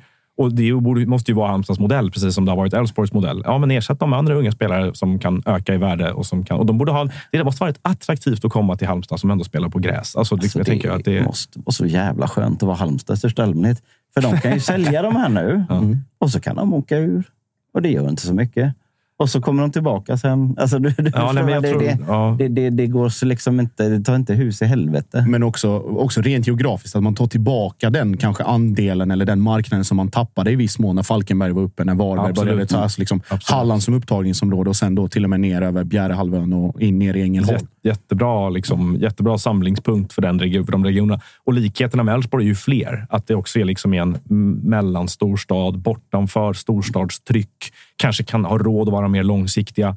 Eh, Så anlägger de liksom en strategi som liknar Elfsborgs. Som Elfsborg är ju fan, fan är de sex, sju år in på sin, så att man ska inte räkna med att de får samma effekt på kort tid. Men, Nej, men de alla möjligheter göra- och ett jättebra ungdomssystem som det. De, de kan göra allt som AIK och Blåvitt inte kan göra.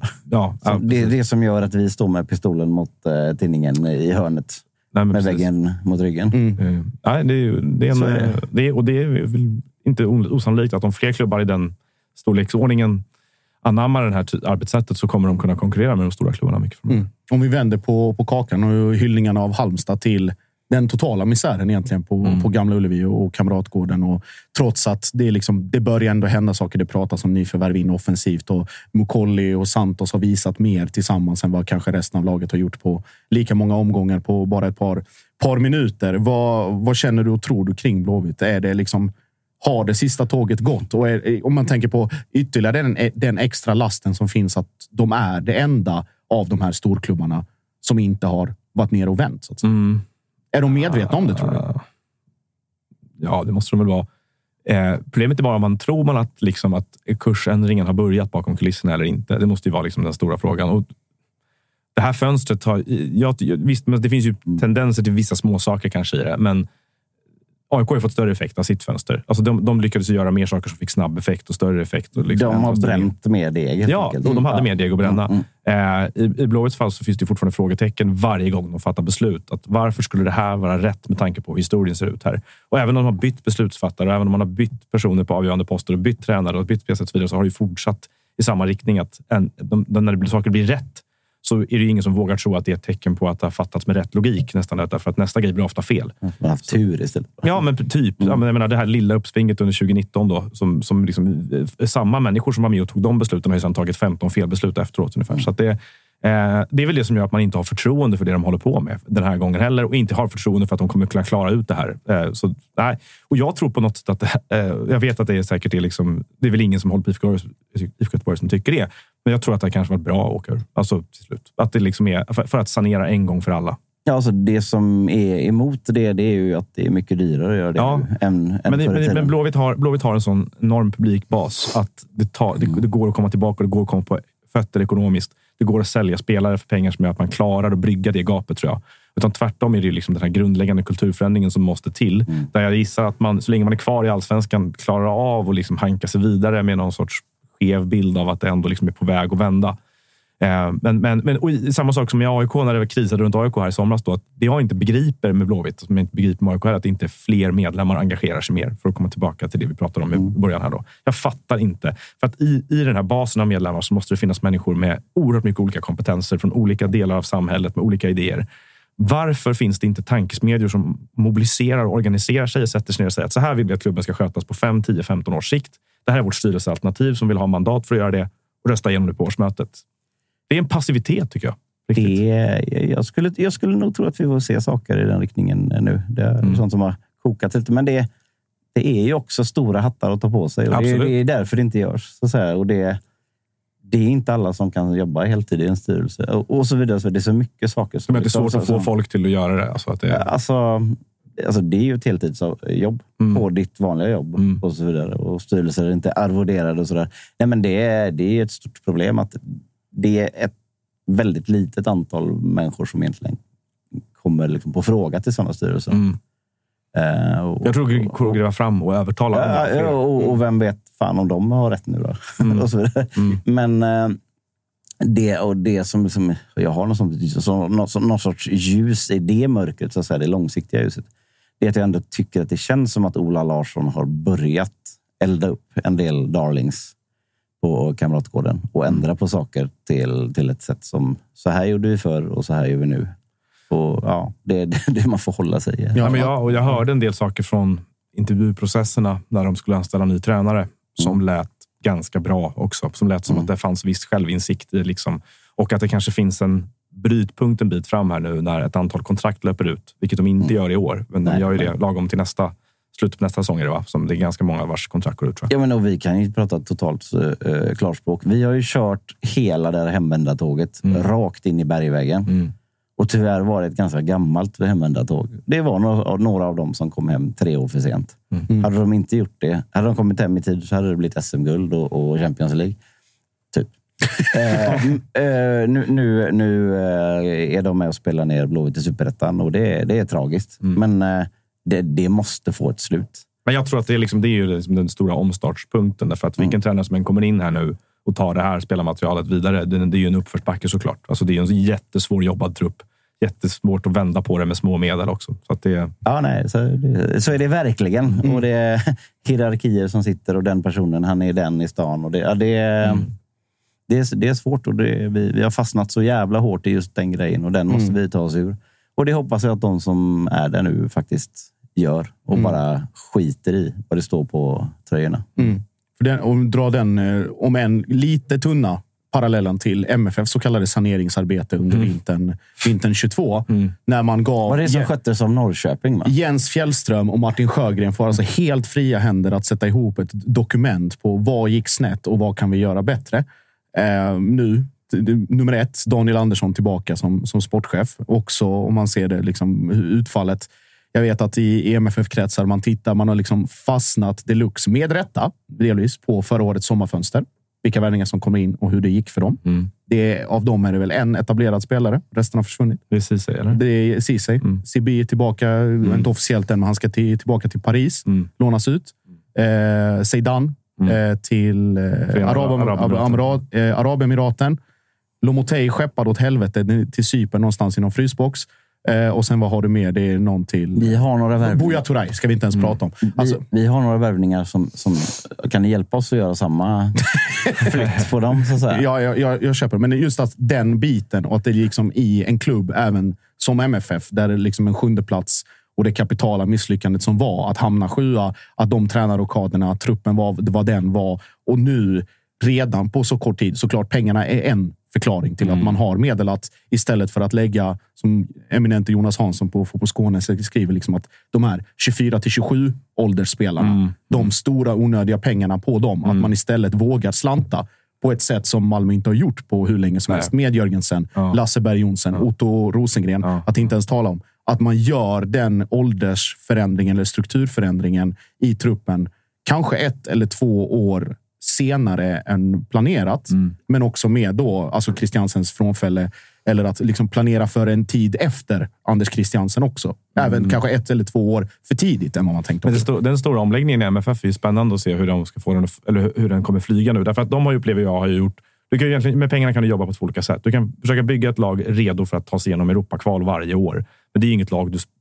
Den, satsningen kanske inte rimmar helt med ett lag som går att sälja alltid. Mm. Det, det gör ju det om du har de bästa unga spelarna i hela Skandinavien, som det här 2013-laget var. Det var ju halva landslaget mer eller mindre, plus några till. Men de Då ju, gäller det att sätta sina grejer. Ja, men då måste man fan vara duktig på att scouta. Alltså. Eh, och så. Men eh, den andra grejen är ju att räkna med att man kan öka truppvärdet och kanske klara sig igenom Europaomgångarna och så vidare på vägen. Men, men det de, går, de går mycket mer mot det här, alltså köpa spelare som ska, ska öka i värde nu, snarare än göra laget redo för, för Champions League. Och det är ju att låta pengarna jobba på ett annat sätt. Och det kommer nog växa deras ekonomi ännu snabbare. Alltså, det, är liksom det här nu, om, om nu vet man väl inte hur liksom, eh, eh, agent framverkat det var den här Nanasi-grejen som dök upp i morse.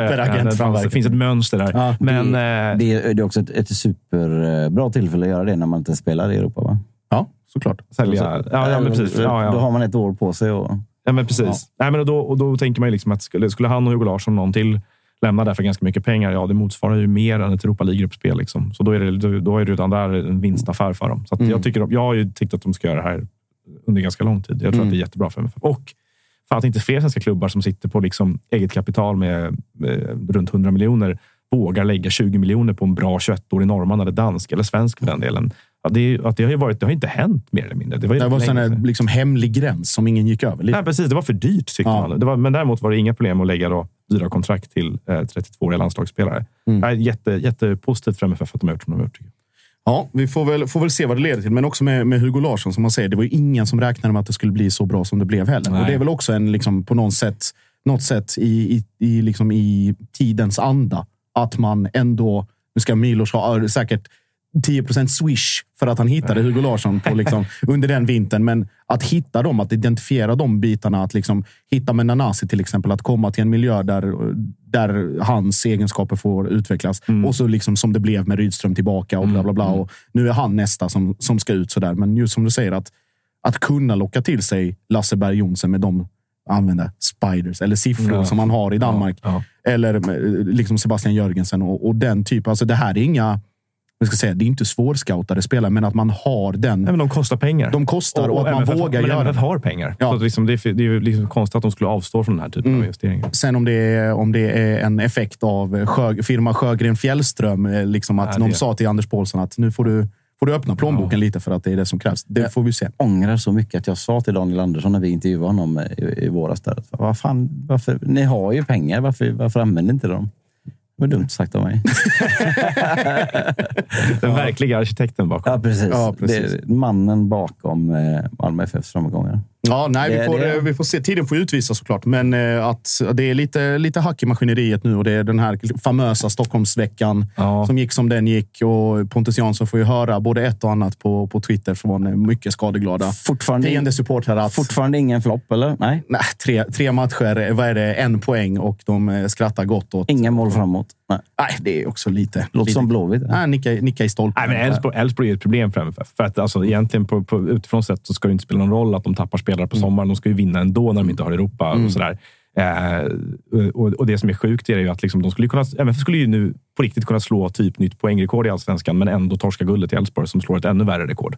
För att det är för att de håller sånt sjuk hastighet där uppe. För att folk envisas med att låta dem kontra på... på jag, kan, inte- jag kan inte begripa. Till och med vi tog ett kryss mot dem. Ja, En enda gång fick de kontra, då blev det mål direkt. Jag, jag, jag skrattade gott och högt eh, när jag hörde att eh, Kim Bergstrand i, eh, inför avspark säger att vi ska gå ut och, och stå högt. Pressa högt. Ja, det, Aj, aj, aj, aj, aj. ja, det är precis Nej, det Ja. Men, De är ja, väldigt bra på det de gör. väldigt, väldigt bra. Och just den här, vi pratade med, med både Glenn och, och Sissi, våra Elfsborgsrepresentanter, att, att det var inte länge sedan det var banderoller att Jimmy skulle avgå. Nej, det, var andra, det var andra gången, va? Alltså, det var ju varit det förut också. Ett år sedan, precis var det väl där. Det var väl sommaren någon gång. Ja, Det, det, det här, bra rim. Per Frick. Otroligt, eh, otroligt citat faktiskt. Det, men eh, nej, det, det, går, det svänger fort och tålamod det är liksom det är A och O. Kan vi få... Eh, ska vi se om vi får... Ja, vi ska få... För någon som har det väldigt, väldigt, väldigt deppigt. Som Eh, man ska vi, hoppas att solen skiner på uh, Olof Möller ändå. ja, vi ska ner till Helsingborg eh, där de hade ett Skånederby där de mötte Trelleborgs FF och där en mycket, mycket besviken Olof Möller såg, eh, såg det rasa iväg till 3-1 efter att Thomas Rong gick ut skadad. Eh, hur fan mår du egentligen, Pitte? Ja, som jag har mått de senaste sju åren tänkte jag säga. Det är väl jämna plågor som vanligt. Jag, jag lyssnar ju på er såklart. Jag hörde ju att David Mito Nilsson var inte ens topp 40 på den här ringa-listan. Så det är härligt att jag kan hoppa in här och reda upp det med stjärnglansen. Nej, men det är, vi måste göra det här för Jockes skull, det vet du ju. Han, är, han, är, Ja, han, är ju redan, han börjar ju redan fnula på Tutto-ettan tillsammans med dig och Martinsson Ja. nästa år. Så att det, Med lite tur så ses vi, jag och Jocke på en läktare nästa år. Ja, det är, ja. Och då, då får ni fan steppa upp. Får hänga kvar med du? Ja, Ja, exakt. Och vi klarar oss kvar. precis. Ja. Men eh, ska vi, ska vi med, den, med utgångspunkt i, i den matchen, vad, vad fan har ni hållit, hållit på med den här våren? Eller den här halvan? Eh, alltså, I början av våren så eh, höll vi väl inte på med någonting som ens kan liknas fotboll, är väl känslan. Men sen kom Stuart Baxter in och då eh, blev det ändå bättre. Och, eh, hade ni ringt mig förra veckan så hade jag varit glad för då hade vi ju sex raka utan förlust och tre raka vinster. Men, och den här matchen mot Trelleborg då, där, man, eh, där jag tycker att man de inledande 25-30 minuterna kanske är eh, något av säsongens bästa. Och man tar ju också ledningen på straff. Men sen så blir det ju ja, att man ger över initiativet efter det. Och efter det så, så är det Trelleborg för hela slanten och man ger bort matchen och förlorar därmed ganska rättvist med 3-1. Eh, vilket ju är utifrån många aspekter väldigt tråkigt. Men kanske främst utifrån aspekten att vi vi hade lyckats liksom mansamla lite och det var nästan 10 000 på plats. Och en seger här hade kunnat ge lite luft under vingarna både för publiken och för laget. För hade man gått upp på övre halvan, så tajt är det ju i superettan i botten. Precis. Så att, ja, det är väl mest bara deppigt utifrån den aspekten. Ja, ni, ni sitter och kollar här nu. ÖIS näst sist på Skövde tänker jag inte ens räkna med, med, med liksom deras verksamhet där. Eh, ÖIS på 14, Örebro och Helsingborg på 16. Sen är det Sundsvall, AFC 17, Boys 18, Gävle 19, Brage, Trelleborg, Östersund 20. Och det är alltså mellan 15 och eh, sjunde plats. Mm, exakt. Getingbo kallas det väl, eh, kan man väl säga. Kallas också superettan i och för sig. Ja, exakt. Så Ja. är världens jämnaste liga. Nej, vad, eh, om vi tar eh, Baxter från hans intåg. Vad är det som du tycker har, eh, har börjat fungera för dig? Eller om använda ett IFK Göteborg-uttryck. Tendenser som har visat på någonting. tendenserna, jag tycker tendenserna på det stora hela har varit ganska goda. Jag tycker att eh, liksom genomklappningarna, som man, eller liksom de usla prestationerna som man kunde se för, liksom, förra säsongen och den här, de, de kommer inte lika ofta. Det kändes som att det var en stabilitet, det blev en mer trygghet. Eh, det kändes som att man fick in lite, liksom lite luft under vingarna. Eh, och eh, ironiskt nog så pratade Baxter in, inför matchen mot Trelleborg om just att man inte ska klappa igenom och sen klappar man ju igenom tyvärr. Så att, eh, den här matchen mot Trelleborg ställde liksom det lite på, på ända för att det kändes som att det hade börjat värdas lite optimism i liksom alla led egentligen, i supporterled och så. Och eh, efter sex raka utan förlust. Och, man kunde liksom, vid en seger mot Trelleborg hade man ju varit på över halvan som sagt och blickat uppåt nästan. Eh, men så kommer ju det där bakslaget som, som man nu tyvärr har börjat bli liksom väldigt van vid sen, Optimismen, sen sju år den ska du passa dig för Olof. Ja, exakt. Nej, den, är, den klär mig inte heller. Så att, eh, Så att eh, det, det, det hoppar jag framåt från och med nu. Eh, vi tar eh, mittbacksituationen där också. Kasper Videll ut, eh, ner, eh, såld till Holland. Eh, vet inte slutsumman där. Är det någonting som Två miljoner tror jag det pratas om. Ja, det eh, vilket med tanke på att han hade, han hade kontrakt året ut. Ja. Eh, så är två miljoner tycker jag är en ganska okej summa. Sen kan man ju absolut diskutera varför vi inte har sålt honom tidigare eller haft honom på ett längre kontrakt. Men, mm. men två tankar i huvudet här. Det är en bra summa utifrån vad han har för kontrakt men det är en dålig summa utifrån kapaciteten som bor i Kasper Widell. Liksom. Mm. Och vad, fan, vad, vad, vad, liksom, vad gör de här två miljonerna för HIF egentligen? De gör väl lite att man kan eh, beta av lite skuld som man har till externa finansiärer och så där. Och sen så handlar det väl också lite om, om ett kapacitet, liksom, eller ett byggande av, av förtroende för att unga talanger faktiskt kan nå ut även liksom, i en klubb som går ganska dåligt. Så att jag tror att det är tvådelat, från min sida i alla fall, mm. ser jag det så. Eh, och det var väl liksom Kasper Wiels tur att dra, så att säga, tycker mm. jag. Simon Bengtsson har ju pratats om, eh, om ett tag också. Han är ju på väg upp. Men om vi tänker just Vidells ersättare eh, Vagic där. Mm. Eh, spelar bredvid Rogne. Nu går Rogne sönder. Men vad, vad hoppas ni och tror att ni får in med honom? Alltså en, en trygghet för han har ju ändå en rutin och han har ju en kvalitet som ska göra att han ska kunna liksom vara en av våra bästa spelare i Superettan. Jag menar, eh, han har ju fått hatta lite här nu liksom runt och kanske inte riktigt hittat rätt. Men, men det finns ju en grundkapacitet där Eh, den enda oron man har är väl hur inställningen att komma till Helsingborg. Som liksom, när det börjar gå lite dåligt kommer han vara en av dem som tar liksom, fanan. Det, det tvivlar jag väl på. Men, men, men eh, sen är ju mittbacksituationen är ju ganska prekär. Jag menar, vi har ju mardrömsminuten mot Trelleborg när Rogne går sönder och på efterföljande hörna så gör Trelleborg 1-1. Eh, och då väljer Baxter att ta in vänsterbacken, Emil Hellman istället för mittbacken. Charlie Weberg får ersätta Rogne och då, det, det bytet ställer jag mig väl ganska frågande till. Men, men eh, så att liksom Sen eh, def defensiven har varit bra under hela säsongen faktiskt. Vi är väl en av de som har släppt in minst mål i, i hela superettan. Men, men vi är också en av de som har gjort minst. Så att det är offensiven som har varit problemet. Mm. Och stora, stora anfallsstjärnan, om man ska använda det begreppet, Amar Mushin, har ju kopplats ihop med en flytt också. Hur, hur tror du det blir för, för honom? Blir ni av med honom i sommar? Jag tror inte vi kommer tappa honom. Jag tror inte man, nu har han ju börjat komma igång och göra lite mål också. Eh, han sitter på ett lite längre kontrakt. Eh, jag tror inte man vågar sälja en, en liksom beprövad superettan-målskytt i det läget. HF. Hade HF, liksom, det gör man ju aldrig i superettan, men miss, missförstå mig rätt här, men hade HF seglat lite tryggt i mitten så tror jag man hade kunnat tänka sig att sälja. Men nu, nu tror jag inte man vågar mer.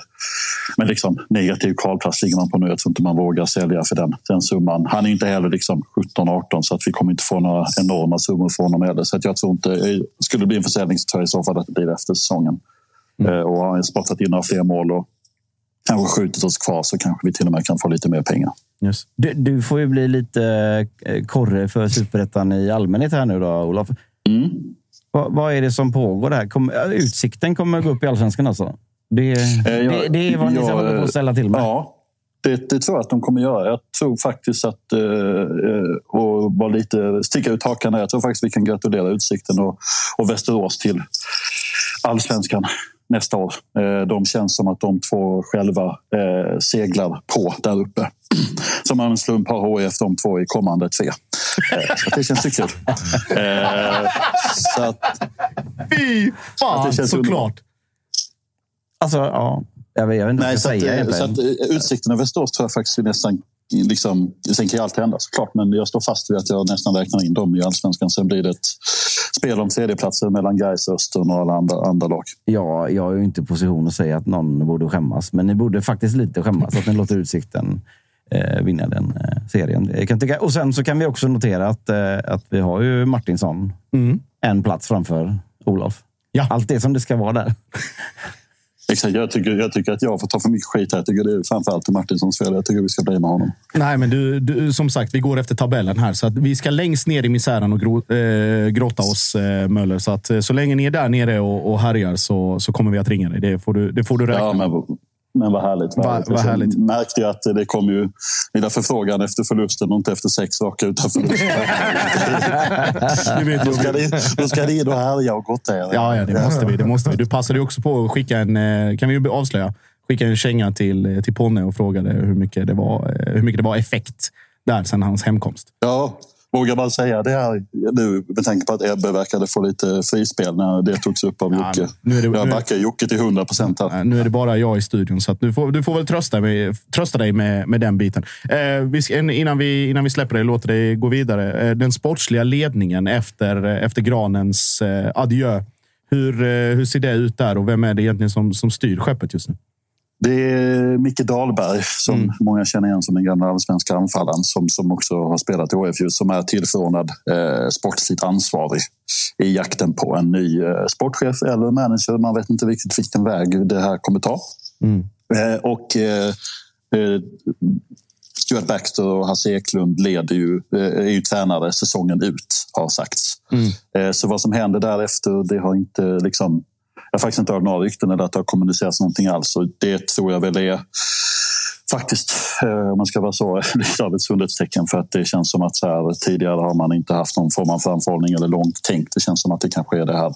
Även om det primära uppdraget såklart tror jag är att bara rädda kvar, kvar klubben i superettan. Mm. Tror du att det, det drar ut på tiden just på grund av att man kanske inte riktigt vet vilken serie man spelar i nästa år? Ja, det, det är jag ganska övertygad om. Eh, och sen så tror jag dels det, men sen så också man vill, eh, man vill ha det tydligt och klart vilken typ av liksom, sportslig väg man ska ta framåt. Mm. Eh, om man ska ha en sportchef eller man ska ha en manager. Och vem som ska vara tränare, det är ju en rad, rad beslut att ta. Eh, om vi nu liksom hoppas och ber att vi är kvar i superettan så är det ju fortfarande en, en tränare som ska tillsättas som inte Baxter förlängs och en, en, ja, en sportchef eller manager som ska, som ska placeras Mm. i organisationen. Om du tar på dig sportchefskepsen eh, för Mm. eh, en minut och 30 sekunder. Hur skulle du vilja se att en sån lösning ser ut? Har du några namn på Eh, rak arm eller någonting? Nej, jag har inga, alltså, tränarmässigt har jag ju, eh, är det ju två. Sportchefsmässigt där är jag liksom för, för dåligt bevandrad och jag vet inte vem som skulle vilja eh, ta- i Helsingborg så att säga. Men, men, eh, men tränarmässigt så är det ju två spår egentligen väl som jag har sett det som och det är att Baxter fortsätter eh, under liksom kanske ett år, ett och ett halvt år, två år så liksom ger skänker ett lugn som man ändå kan göra med sin rutin kanske. Men det har ju även pratats om eh, Patrik Ingelsten, den gamla anfallaren som tränar Eskilsminne. Eh, i, som också är en klubb i Helsingborg och eh, har gjort det med bravur och är väl lite av en, som jag har förstått det, lite av en Rydström light. Eh, med lite, liksom, kanske lite mer framåtanda och lite mer sånt tänk. Och då skulle man i så fall bygga någonting på lite längre sikt. Eh, och eh, just på grund av att du säger det så säger jag också välkommen till Helsingborgs IF. Tobias Linderoth som permanent eh, tränare och sportchef i all evighet. Ska det bara långa inkast på Olympia från och med? Följer vi bara Skövde rakt ner sen. Blir spottade och isär. Lite så. Olof, eh, du, tack för att eh, du tar dig tid trots eh, den här misären. Såklart. Jag får- såklart. jag får- Ta hand om er pojkar. Det ska jag göra. Och så får, du jättegärna, får ni jättegärna slå både Utsikten och eh, Västerås. Får Ga- lite Gais glädje. med för den delen. Gais också för den delen. Så får ni lite glädje. Ja, vi, ja, vi ska försöka slå alla. Sen om vi lyckas, det tror jag inte. Men Insiktsfullt. Tack så du ha, Mölle. Vi hörs. absolut. Ta det väl. Hej.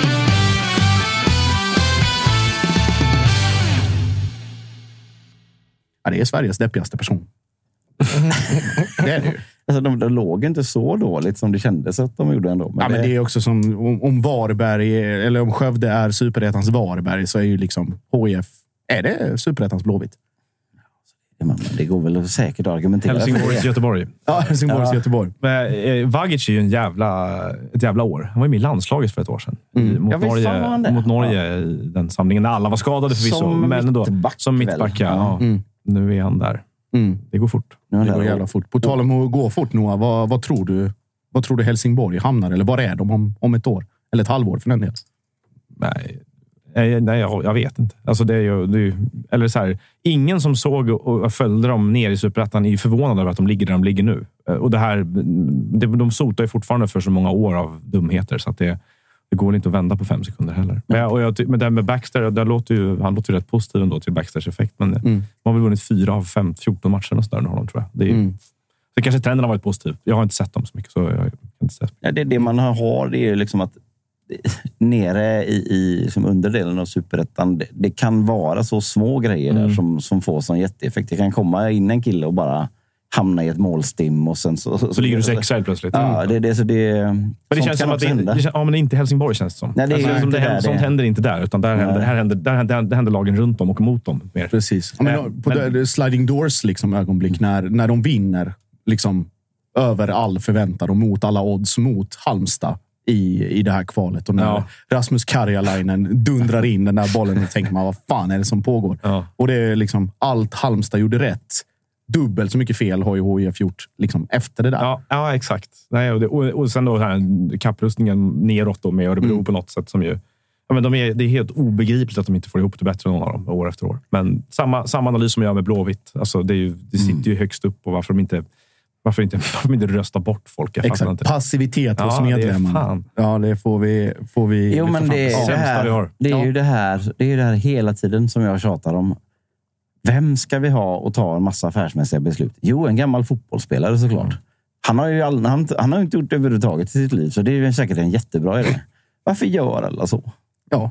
Så jävla nostalgiska och... Nej, fy fan. Ja, det är hemskt. Ja. Ja. Ja. Med den eh, miserabla eh, delen ska vi också sammanfatta vad, vad chatten säger. Vad, hur har de skött sig idag, Kalle? Eh, Det har varit upp och ner faktiskt. Eh, Lite känd, men, jag har faktiskt inte blockat. Jag tar någon här på måfå bara för att blocka någon åtminstone. Jag tyckte jag, jag, tyckte jag såg ordet plepp i chatten. Ja, okej, Det- okej, det åker- Nej, men annars, så, annars det, det var ganska fin stämning idag. Eh, någon hävdar att eh, Olof är då Tuttosvenskans Ior Ja. i Nalle Puh. Det kan vi väl slå fast. Ja. Det kan vi absolut slå Inte fast. jättespetsig spaning heller. Nej, inte. Nej, jag nej. blockar den spaningen. Det, den, den åker på det direkt. Eh, detta var också ett avsnitt. Mm. Jag hoppas för, för ditt bästa Jocke att, att det blir lite mer muntert nästa gång. Ja, det, här var, det här var, jag trodde att Möller skulle må, må dåligt, men du, du tangerar där. Det, det, så, Vad så jag? det. Du menar bara min allmänna trötthet? Ja, bara liksom allt idag med, med allt vad det innebär mitt i veckan. Eh, det, det har varit vad det har varit helt Det har varit så deppigt har det inte varit. Ja, jag, jag, jag känner att det har varit lite halvt svårrådat. Ja, ja, ja. Men så är det i alla fall. Noah, du ska ha stort tack, Tack. för att eh, du tog dig tid för att du kom.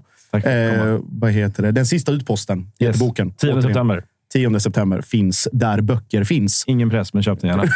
Precis. Med de orden, Jocke, stort tack. Noah, återigen, stort tack. Kalle så mycket. Nilsson, supertack. Tack. Chatten, Fortsätter vi åka tåg. det ska vi göra. Eh, chatten, eh, skit ner er som vanligt. Och nästa avsnitt på, på lätt svenska, då är vi tillbaka på fredag. Då sitter jag här igen. Eh, då får vi se om eh, nummer 44 eller 45 på listan svarar. Det vet, det vet vi bara då. Tack för idag. Ciao! Hej, hej.